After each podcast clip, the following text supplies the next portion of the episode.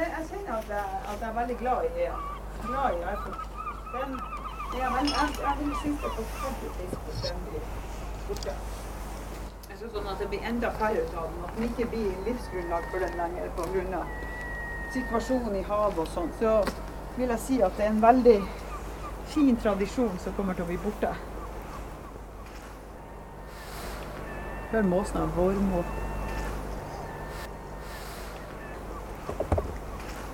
Og her ser du jo at det er rester, litt rester av dun og så er det litt rester av tang.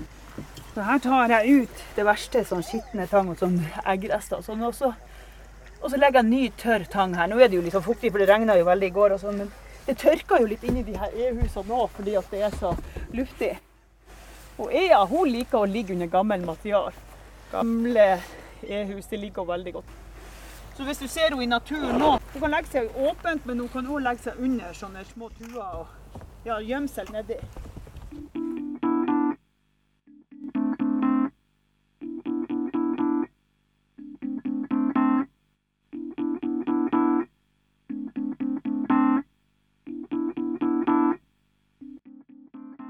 Eh, han er jo svart og hvit. Og han har jo sånn grønn, liksom grønnfarge på kinnene og er veldig flott. altså Veldig flotte sånn ren hvitfarge og ren uh, svartfarge. Og så det grønnrøde han har på kinnene, gjør at han er en nydelig hannfugl. Mens hovfuglen er jo helt annerledes. Hun er like stor, men hun er jo brun, helt brun. Brune fjær. og brun i, og bare litt hvit baki på fjærspissene. Men ellers er hun helt brun. Og de har sånn mørkebrune svømmeføtter. Og så ærfuglungene de er svarte med to sånne ganske lyse striper i, i, i, i, buken. da. Men du kan ikke se om det er hannfugl eller hovfugl, for de er ja, ganske store. Og han, det kunne han bli voksen at han blir hvit. Han er brun ganske lenge.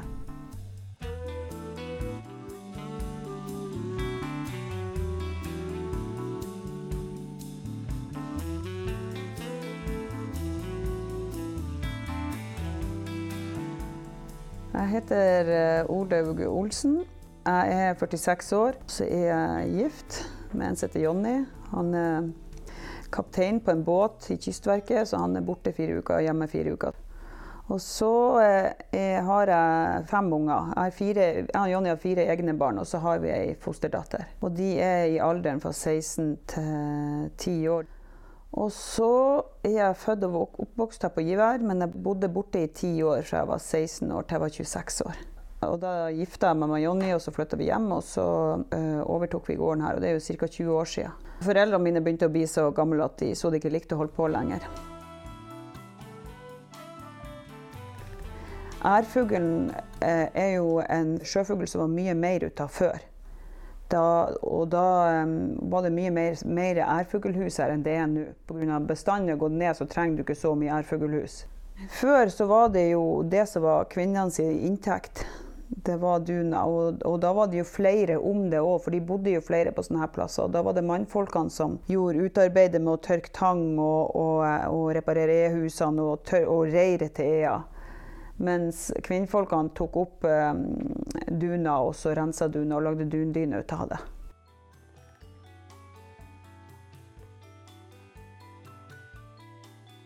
Det som er spesielt med ærfuglduna, det er jo det er den fineste duna du kan få.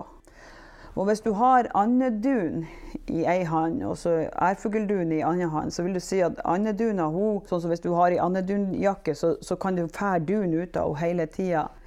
Mens en dott med ærfugldun den ligger i ro. Sånn. For hvis du ser veldig nært på ei ærfugldun, er et sånn lita dun, så ser du at hver sånn tråd har sånne kroker.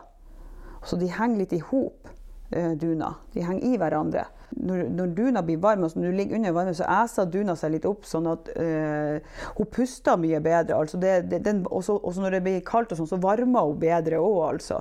Så er det mer holdbarhet på henne òg, hvis du renser henne ordentlig. Så Derfor er ærfugldun så uh, annerledes enn en vanlig andedun. Jeg er faktisk litt usikker, men jeg vet at det i hvert fall over, over 200 år i hvert fall er det, at de hold, har holdt på med det her. Jeg har ei, edderdunsdyne som vi fant her etter besteforeldrene mine, og den vet jeg var over 100 år gammel. Og den hadde de som gjestedyne til sånn finere folk, som kom, sånn som pressen eller de hadde predikanter eller noe sånt som kom på besøk. De fikk ligge under den dyna. Og hun var helt enorm. Hun var bare inni en sånn svær klump, altså.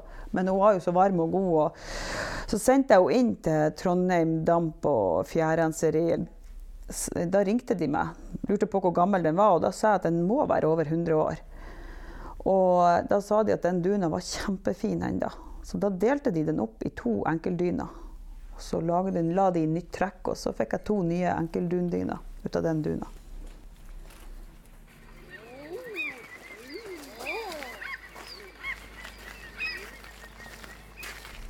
Ja, Iver er ei øy vest av Bodø, 31 km rett vest av Bodø, ute i luftlinje i havet. Og vi er den øya som er lengst, lengst ut i havet i Bodø kommune, og den minste. Og så tilhører vi værene. Det er blikksvær, Bliksvær, Givær, Helligvær og Landegod. Vi er værene. Og her er vi 15 fastboende, da. Og vi er, er aldersgruppe fra 10 til 85. Og det har bodd folk her i sesonger når det var fiske. Altså det har vært enormt fiske rundt her. sånn at det var i sesongene på høsten og vinteren og vårfiske og kveitefiske og sveifiske og sånn, så var det jo kunne de jo være oppi en 200-300 mennesker som bodde her. Da. Men når jeg vokste opp, så var vi rundt 30 som bodde her. Og så har det vært, ned i 10 og 8, tror jeg, og så har det gått opp igjen. Så det har ligget sånn litt forskjellig. Det er nakne øyer uten trær. og og uh, veldig mye stein og humper, egentlig, men uh, samtidig veldig sånn gressrike øyer. Så, um, for det er blitt beita her bestandig. Folk har hatt husdyr her bestandig de siste 150 årene. Så det har aldri vært pause på det. Det har vært beita og stelt markene her siden da.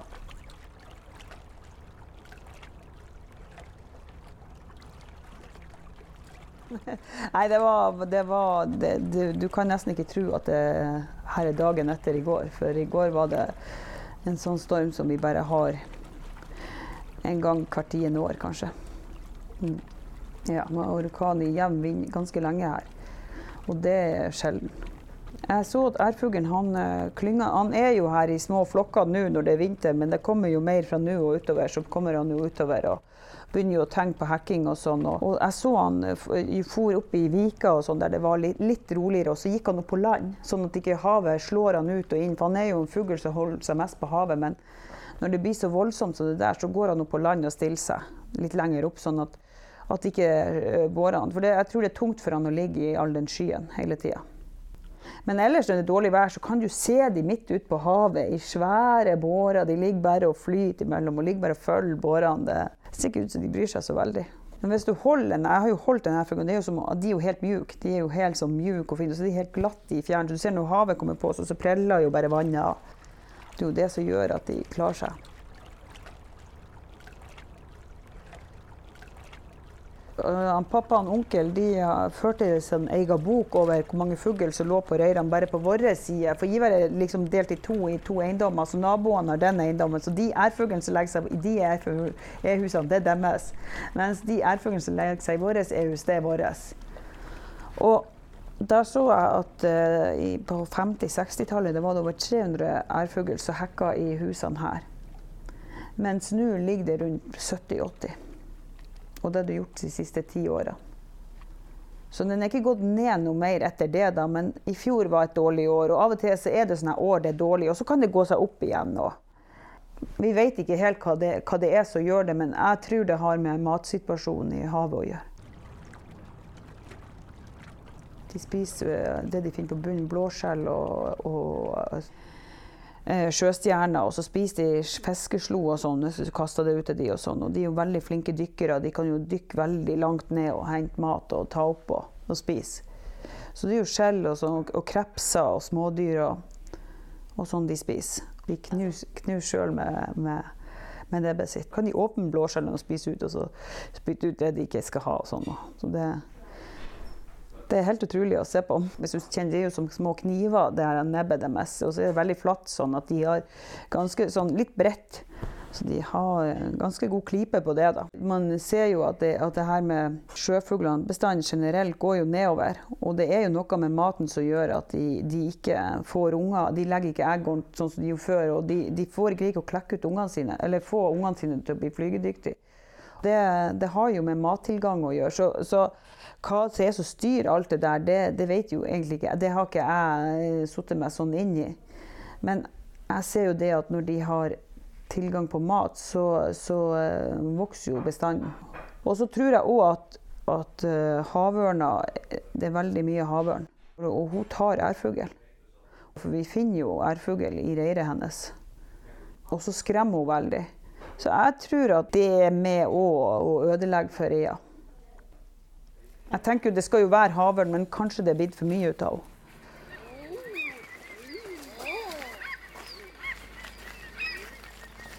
Jeg tror nok det at før så stelte de jo mer for ærfuglen. Og det viser jo de plassene der, der ærfuglen var og folk flytta ifra, så forsvant jo ærfuglen òg. Så det, det, er jo ikke tvil om at hvis vi hadde flytta herifra, så hadde jo, tror jeg Ea og, at bestanden hadde gått ned. Hun hadde slutta å gå i ærfuglhus og lagt seg mer ute og sånn. da, ja. Så det jeg sier at Ærfuglen er jo noe av det mest eh, Sånn som er produksjon av ærfugldun og dyne, det er sånn som vi gjør det. Det er jo så miljøvennlig som går an å bli. For det første så høster vi ut en fugl som plukker av seg sjøl duna. Den, det, er ikke, det, er ikke, noen som, sånn som på gåsedun og sånn at noen står og tar rive av dem. Altså, fuglen sjøl plukker av seg duna, og den er jo ikke i fangenskap. Den er jo velger jo sjøl å gå i, i hus, og, så vi har laga til til dem. Og vi rører jo ikke henne før hun har gått av med ærfuglungene. Da tar vi duna. Og da bruker vi det. Vi, renser, vi bruker jo ikke maskiner når vi renser, vi renser for hendene og sånn. Og så legger vi inn i trekk og syr igjen. Og så er det et ferdig naturprodukt som du kan ha i mange, mange herrens år. Det er en fantastisk eh, kultur. Og, og uh, sånn som for min del, jeg var jo i lag med faren min og onkelen min med det her. Var, vi var jo fem søsken. Men jeg var kanskje den som var mest interessert i det. Og, eh, og de hadde jo veldig sånn kjærlighet til de fuglene. Og, og jeg forsto ikke det helt da, men nå ser jeg jo det. At jeg, jeg har jo òg en enorm kjærlighet for fuglene. Jeg passer jo på de at ikke folk skal gå for mye rundt de. Og, eller gått for mye til å skremme de av. Og vi har jo ikke katt her fordi vi har så mye fugleliv her. Og hundene våre de passer veldig på at ikke de får gå og skremme henne når, når hun ligger på reir. Så hun kommer jo helt opp til husene her og legger seg. Og, og alle som bor her, har veldig respekt. Vi alle er glad i Ea, så alle har passa på å ikke skremme henne, for å si det sånn.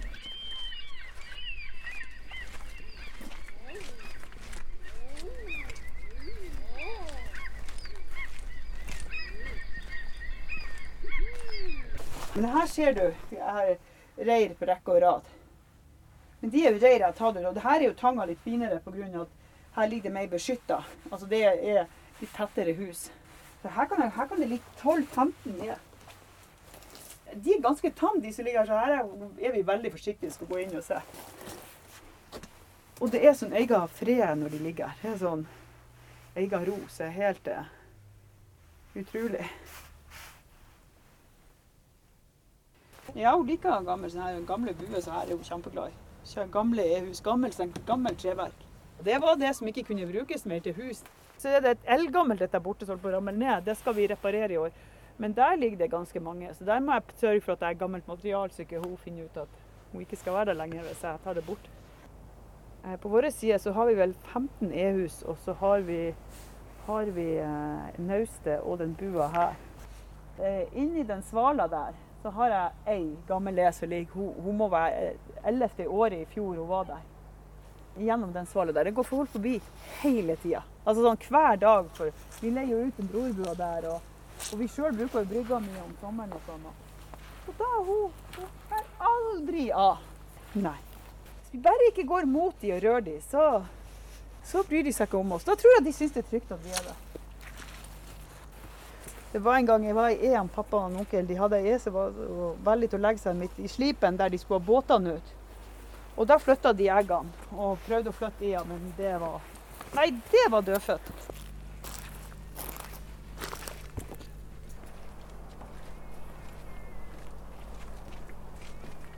Nei, jeg har nå sitt eget språk. Og så når hun blir så glad for jeg har noen e som kommer, de samme e som kommer igjen år etter år. Og jeg, jeg, jeg, vet, jeg har jo ikke noe merke på dem, men jeg er ganske sikker på det, for de kommer omtrent på den samme datoen, og så legger de seg på akkurat samme reir. Så jeg eier i Skjågen der, og så har jeg ei i et e-hus attmed huset her. Og de må jeg jo rope over meg når jeg blir så glad når jeg ser dem. Og de, de kan jeg ta handa borti og stryke og løfte opp under og ta, ta ut egg og se på egg og legge tilbake igjen. Da. Det er veldig artig. Veldig fint å gjøre. Og da vet jeg det at ok, da er det tre uker til hun får ærfuglunger, eller får unger da, og så går hun av med reiret. Det er jo en, helt ritual hun har før hun går på reiret og legger seg, før hun lager ruger og sånn. I april så begynner vi eh, med å eh, legge ta opp tang. I løpet av vinteren så kommer det opp en del tang, sånn løs tang som ligger i fjæra. Og det som er veldig rent og fint, det bruker vi å legge på steinene, og så tørker jeg det. Så tar jeg det inn i EU-husene, så lager jeg nye reir for hvert år. For det ligger jo tang for året før der, men det er jo gjerne forsvinner jo. Og så ligger det gammel sånn slitt dun eller eggeskall og sånn i lammet. Så tar jeg vekk noe av det gamle, og så legger jeg nytt tang. Og grunnen for at vi bruker tang i e-husene, er jo fordi at da er det lettere å rense duna. Det er lettere å rense duna når hun har ligget i tangreir, enn når hun ligger i gressreir. Og så, ehm, så reirer jeg sånn i slutten av april, begynnelsen av mai. Reirer, går jeg i e-husene og reirer og gjør reirene klar. Og da kommer hun sånn i midten av mai begynner å legge seg. Det er litt sånn forskjellig fra år til år. Noen ganger i begynnelsen av mai, og noen ganger er hun veldig sein og begynner rundt 16-17. mai å legge seg. Og reirer, bruker vi å si. Vi reirer for ea. Og så, ehm, når hun har lagt seg, så før så samla vi litt egg ut av henne. For når du er egg- og dunvær, sånn som vi er, så, vi lov, så hadde vi lov å ta egg fra henne også selv. Hun verpa fem eller seks egg. Men vi tok sånn at hun hadde bestandig to eller tre igjen. Så, så mente han pappa og onkel de mente at da var det lettere for henne å ta vare på de og ungene, for måsen kom og tok de. Når, men når hun kommer da, så skal gå på land, og da har hun ekallen med seg. Så hun går jo, Du ser et par sånn, de kommer opp på land, og så går de inn i og finner seg reir. og så legger de seg. Og da legger hun ett egg først. Så graver hun det ned i, i reiret sitt, og så, og så, går hun ned igjen til havet med ekallen. Han sitter utafor og venter, og hvis han går inn, så er han bare der en liten stund i lag og så går, de, så går de i lag ned til havet. Og så venter de en stund til et døgn ca. Noen bruker kortere tid, men da går, de opp, går hun opp igjen, og så legger hun et egg til. Et, eller hun kan legge to egg til og sånn. Altså når det har gått to-tre dager, hun har lagt alle fem eggene, fem eller seks egg, så legger hun seg og ruger på dem. Og det, grunnen til at hun går sånn opp og ned, det er fordi at hun, hun skal ha kyllinger samtidig. De, fordi at de kyllingene de skal bare ligge et døgn i reiret, for så øh, dør de, får mat, de spiser maten sin i havet. Så de må ligge et døgn i reiret. Sånn cirka ligger hun med det. Og hvis hun da begynner å ruge på det første egget, og så, så legger hun det siste egget to-tre dager etter hun har begynt på det første, så vil det jo gå tre dager før det siste er klekt ut. Og da har jo den første kyllingen dødd. Så noen ærfugl, altså unge, kan gjøre det, og da finner du bestandig egg igjen som ungene holder på å bli klekt ut. Og så er hun gått med de første ungene sine da. Men når hun, hun begynner samtidig på alle eggene, så klekkes de ut samtidig etter tre uker. Så når hun legger seg og ruger på eggene, så fær ekallen. Hvis han prøver å komme opp til henne igjen, så jager hun han. Så da fær han ut på havet og bort. Så da ligger hun alene på reiret i tre uker. Men hun, hun har jo spist seg litt sånn feit. Eia skal være litt sånn feit sånn når hun legger seg på eggene, for hun, ligger, hun, spiser ikke de tre ukene. Hun er bare nede i havet sånn en gang i døgnet cirka, og vasker seg og drikker litt, og sånn, og så er hun oppe igjen og legger seg på eggene igjen. Og imens ligger hun og plukker av seg dun. Plukker av seg masse dun. Noen e har masse dun i reiret, mens andre e har nesten ingenting. Og så um, går det 21 dager, og da klekkes de ut. Og Da ligger hun ca. et døgn på dem etter de er klekt ut, så de er tørre. Så tar hun de med seg og går, og så går hun ned til havet. Og På den ferden der så kan det være litt farefullt, for da ser måsen noe og sånn, og har lyst til å ta ungene. Så da, hvis vi ser ei e gå ned med ungene, så bruker vi å passe på henne gå i bakgrunnen og passe på, for da holder måsen seg unna. Og hun blir ikke redd oss. Hun skjønner at måsen er redd, redd oss, da. Og så når hun kommer på havet med ungene, så begynner ungene å spise med en gang. Ungene er nødt til å spise mat i havet. De kan ikke mates på land. Så hvis du finner en e-unge, så Sånn En andunge den kan du ta i fjøset og så gi han hønsemat, og så æler han opp, så blir han en ei and. Men en ærfuglunge, det går ikke an. Han må spise maten sin i havet. Små dyr sånn i, i kjønna her eller nede i havet, og spise den. Og så begynner han å spise små skjell og sånn etter hvert. Sånn, ja, vi har prøvd mange ganger å få berga eiunger som har vært alene eller ligget igjen i reiret, men det en må gjøre da, da må en ta og finne ei anna e med unger. Og så legge den ungen under. For de klarer ikke å se forskjell på hva som er sine, og når de ligger sånn i reiret. Og så, eh, når de da er gått, så går de ikke opp igjen til reiret sitt med ungene. Da blir de på havet. Og de drar gjerne utaskjærs for å komme seg unna mås, fra måsen og sånn med ungene. Men eh, når den siste er jeg gått da, da bruker jeg å gå og ta duna fra de alle sammen. For, for å ikke forstyrre den siste.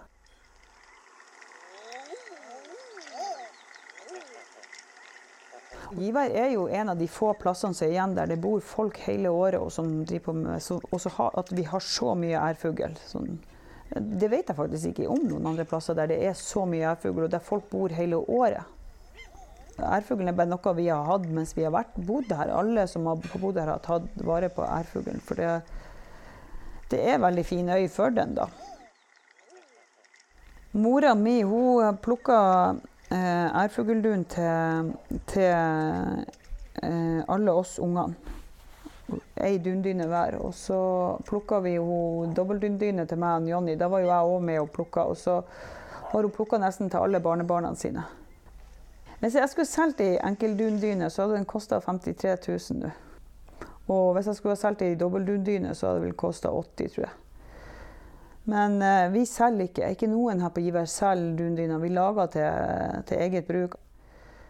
Jeg driver jo og plukker litt og renser sjøl òg, men jeg er ikke i nærheten av å rense så mye som mamma og tante gjorde, for eh, jeg har rett og slett ikke tid. Eh, jeg tar vare på all duna. Mm. Så jeg har et lite lager, da. Men jeg, eh, så duna hun kan jo ligge sånn i noen år uten å bli ordentlig rensa, da. Men når du renser dun, det er veldig møysommelig arbeid. sånn at det er forferdelig mange mange timers arbeid å lage ei enkeltdundyne. Ja, det er jo månedsvis bare med arbeid, altså. Jeg kan jo det, og jeg vet jo hvordan det gjøres. Så, så det er noe jeg skal forstå. Jeg, jeg gjør litt til, prøver å lære jentene mine det, og mine ungdommer det, men jeg vet ikke om de klarer å se like mye verdien i det som jeg gjør. Men det, det, kanskje når de blir større. Når ærfuglen er gått av, da, så tar vi all duna hjem. Og jeg bruker å legge henne i en sånn når det er en virkelig varm, god soldag, så legger jeg det utover en presenning. For da er jo tang og alt sånt skall og alt i lag med duna. Og så når, når, duna blir varm, altså når hun ligger i sola, så æser hun seg opp.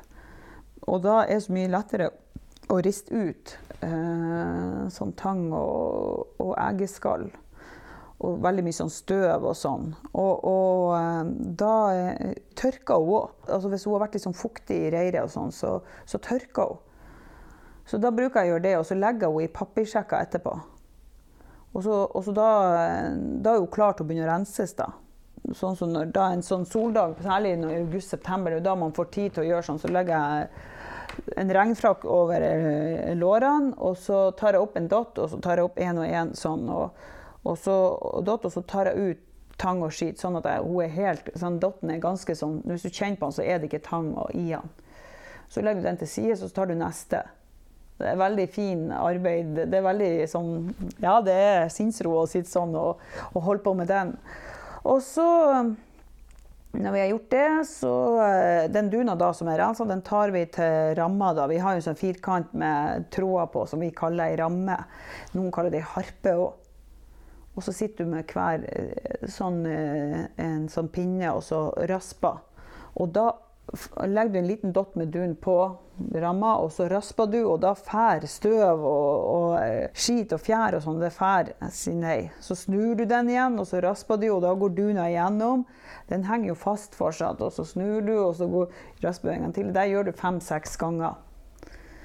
Og da er duna veldig fin. altså Da er hun veldig fluffy og fin, og, og sånn, men allikevel så er hun ikke helt ren ennå. Så da, når vi har gjort alt det med det, så legger vi den i en pose, og, så kan du begynne, og da skal du begynne å finplukke henne.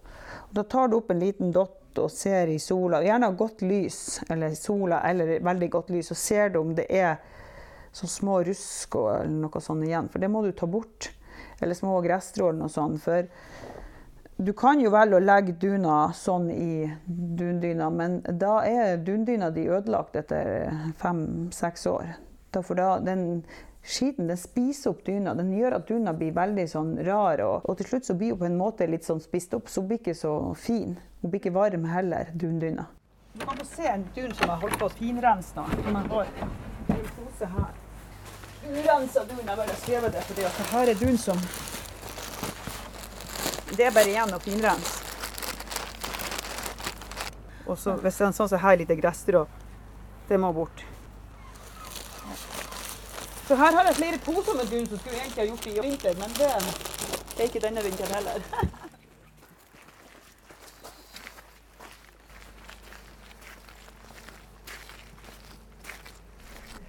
hvis du åpner, så vil du se at en andedunsdyne er grå, lysegrå, og duna fer litt lett omkring. Mens ærfuglduna er grå, helt grå og mørkegrå, og du ser det på henne når du tar kjenn på konsistensen, at hun er mer fast i hverandre og sånn. Så jeg er jo ikke i tvil om at den er varmere enn en de vi kjøper. Og så er det jo veldig stas å ligge under dundyne som, som man er fra ærfuglen, som man sjøl har stelt for. Med jevne mellomrom så sender jeg dynene mine til herrene Trondheim, i Trondheim, da, der de damper de og tar de og fluffer de litt opp. Og kan, gjerne kan legge nytt trekk på hvis trekket er eh, dårlig og sånn, så du har fått flekker på det eller noe sånt. Eller, ja, så er det veldig greit å få nytt trekk på, og da blir jo dundyna som ny.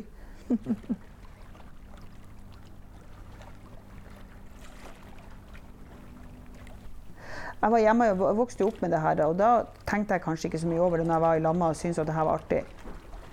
Men, eh, men eh, når jeg reiste bort, og borte ti år, så husker jeg at når våren kom, så savna jeg å være her. Jeg savna å se Ea og komme opp. Jeg savna å være, å, å være med og reire og være med og, og gå rundt Ea når vi plukka egg og sånn. Og, og jeg hjalp bestandig mamma og pappa med duna og sånn, og tante og onkel med duna. Når jeg hadde fri, så var jeg hjemme og hjalp til med det. Og når mamma og pappa begynte å bli så gamle at de sa at de ikke klarte mer, og tante og onkel, så tenkte jeg hvem skal ta det? Var de, visste jeg jo at det var ingen andre som var aktuelle å ta over enn hvis ikke jeg bretta litt opp armene da. Så det var jo egentlig det òg som var med og gjorde at jeg Så når jeg flytta hit igjen, så var det jo først og fremst småbruket, men det her med ærfuglen ble jo òg en del av det. Så, så ærfuglen det ser jeg som eh, en del av husdyrholdet mitt, for å si det sånn.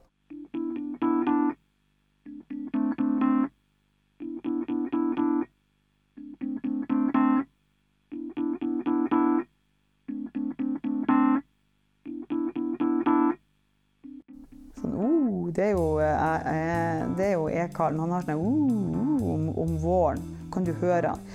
Mens jeg har sånn sånn, sånn har hun når hun prater. Og så ærfuglungene òg, de har en sånn utrolig artig uh, lyd. De kyllingene. Det kan du kjenne igjen overalt, altså. For de har òg en sånn spesiell lyd når de går av reiret og sånn og ligger under mora. Og helt annet enn kyllinger, hønsekyllinger. Det er veldig sånn koselig lyd. veldig sånn, sånn eh, mild lyd. Ikke sånn skarp lyd. På vinteren så er de ganske sånn stille. Det er ikke så mye lyd på dem, men det om våren så er det veldig mye lyd på dem. Når eh, hekkesesongen går mot slutten, så kommer jo særlig de eierne som har mista ungene sine, eller er unge igjen som ikke har fått egg og sånn. De, de, kan komme opp i flokker, og de bråker veldig, særlig om natta. kan de gå opp i reirene. og rote litt i reirene og sånn for å se om, om, de leter etter ungene sine, eller om de er for å hjelpe andre ærfugl. Jeg, jeg vet ikke. Det kan de holde på med en stund. Da kan de ligge på bergene og bråke noe veldig og kakke og, og sånn. Og, og, og, og, sånn. Og så går de ned om morgenen. Forsvinner de.